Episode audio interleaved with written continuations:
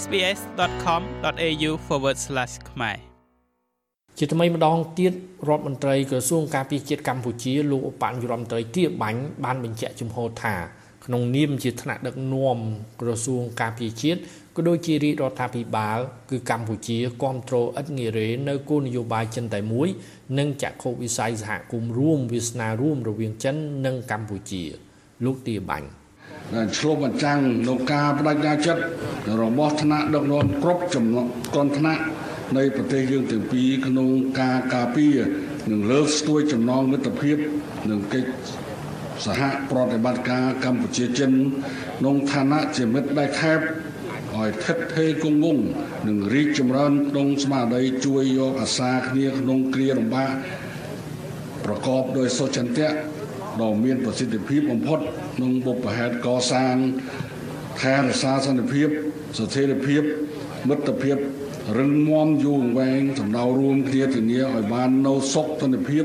ស្ថិរភាព និងវិបុលភាពក្នុងតំបន់តាមរយៈការពង្រឹងកិច្ចសហប្រតិការគ្រប់ជ្រុងជ្រោយដល់ស៊ីចំណូលនេះបន្ថែមពីលើនេះ ក្នុងស្ថានភាពតានតឹងនៃការប្រកួតប្រជែងផ្នែកភូមិសាស្ត្រនយោបាយនៅក្នុងតំបន់យុទ្ធសាស្ត្រមួយចំនួនទាំងក្នុងទ្វីបអាស៊ីផង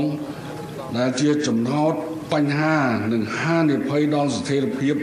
និងវិបុលភាពក្នុងតំបន់និងសនិងសកលនាពេលកន្លងនៅពេលបច្ចុប្បន្ននឹងទៅមុខនោះ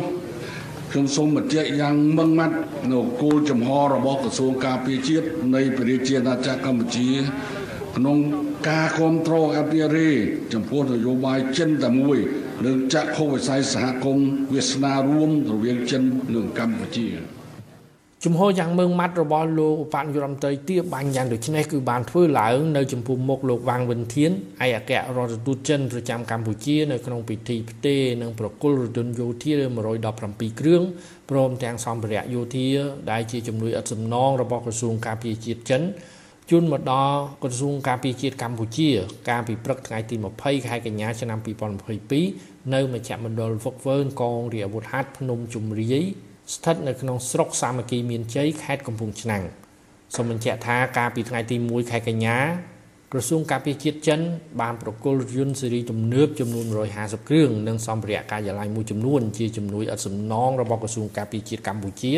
សម្រាប់បម្រើទៅដល់ការងារមួយចំនួនខណៈដែលកម្ពុជាធ្វើជាប្រធាននៃកិច្ចប្រជុំអាស៊ាននៃឆ្នាំ2022នេះ ហើយកម្ពុជាក៏ត្រូវធ្វើជាម្ចាស់ផ្ទះរៀបចំការប្រកួតកីឡាស៊ីហ្គេមឆ្នាំ2023ខាងមុខនេះផងដែរ ក្រៅពីជំនួយផ្នែកយោធាចិនក៏តែងតែផ្ដល់ជំនួយជាច្រើនរួមទាំងប្រាក់កម្ចីដល់រាជរដ្ឋាភិបាលកម្ពុជា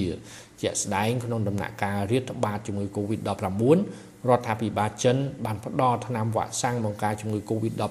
រាប់លានដូសដល់រដ្ឋាភិបាលកម្ពុជាព្រមទាំងឱសថបុរាណចិនសម្រាប់ប្រើប្រាស់ប្រយុទ្ធប្រឆាំងជំងឺ Covid-19 នៅក្នុងប្រទេសកម្ពុជាផងដែរខ្ញុំម៉េងផល្លា SBS ខ្មែររីកាពីរាជធានីភ្នំពេញ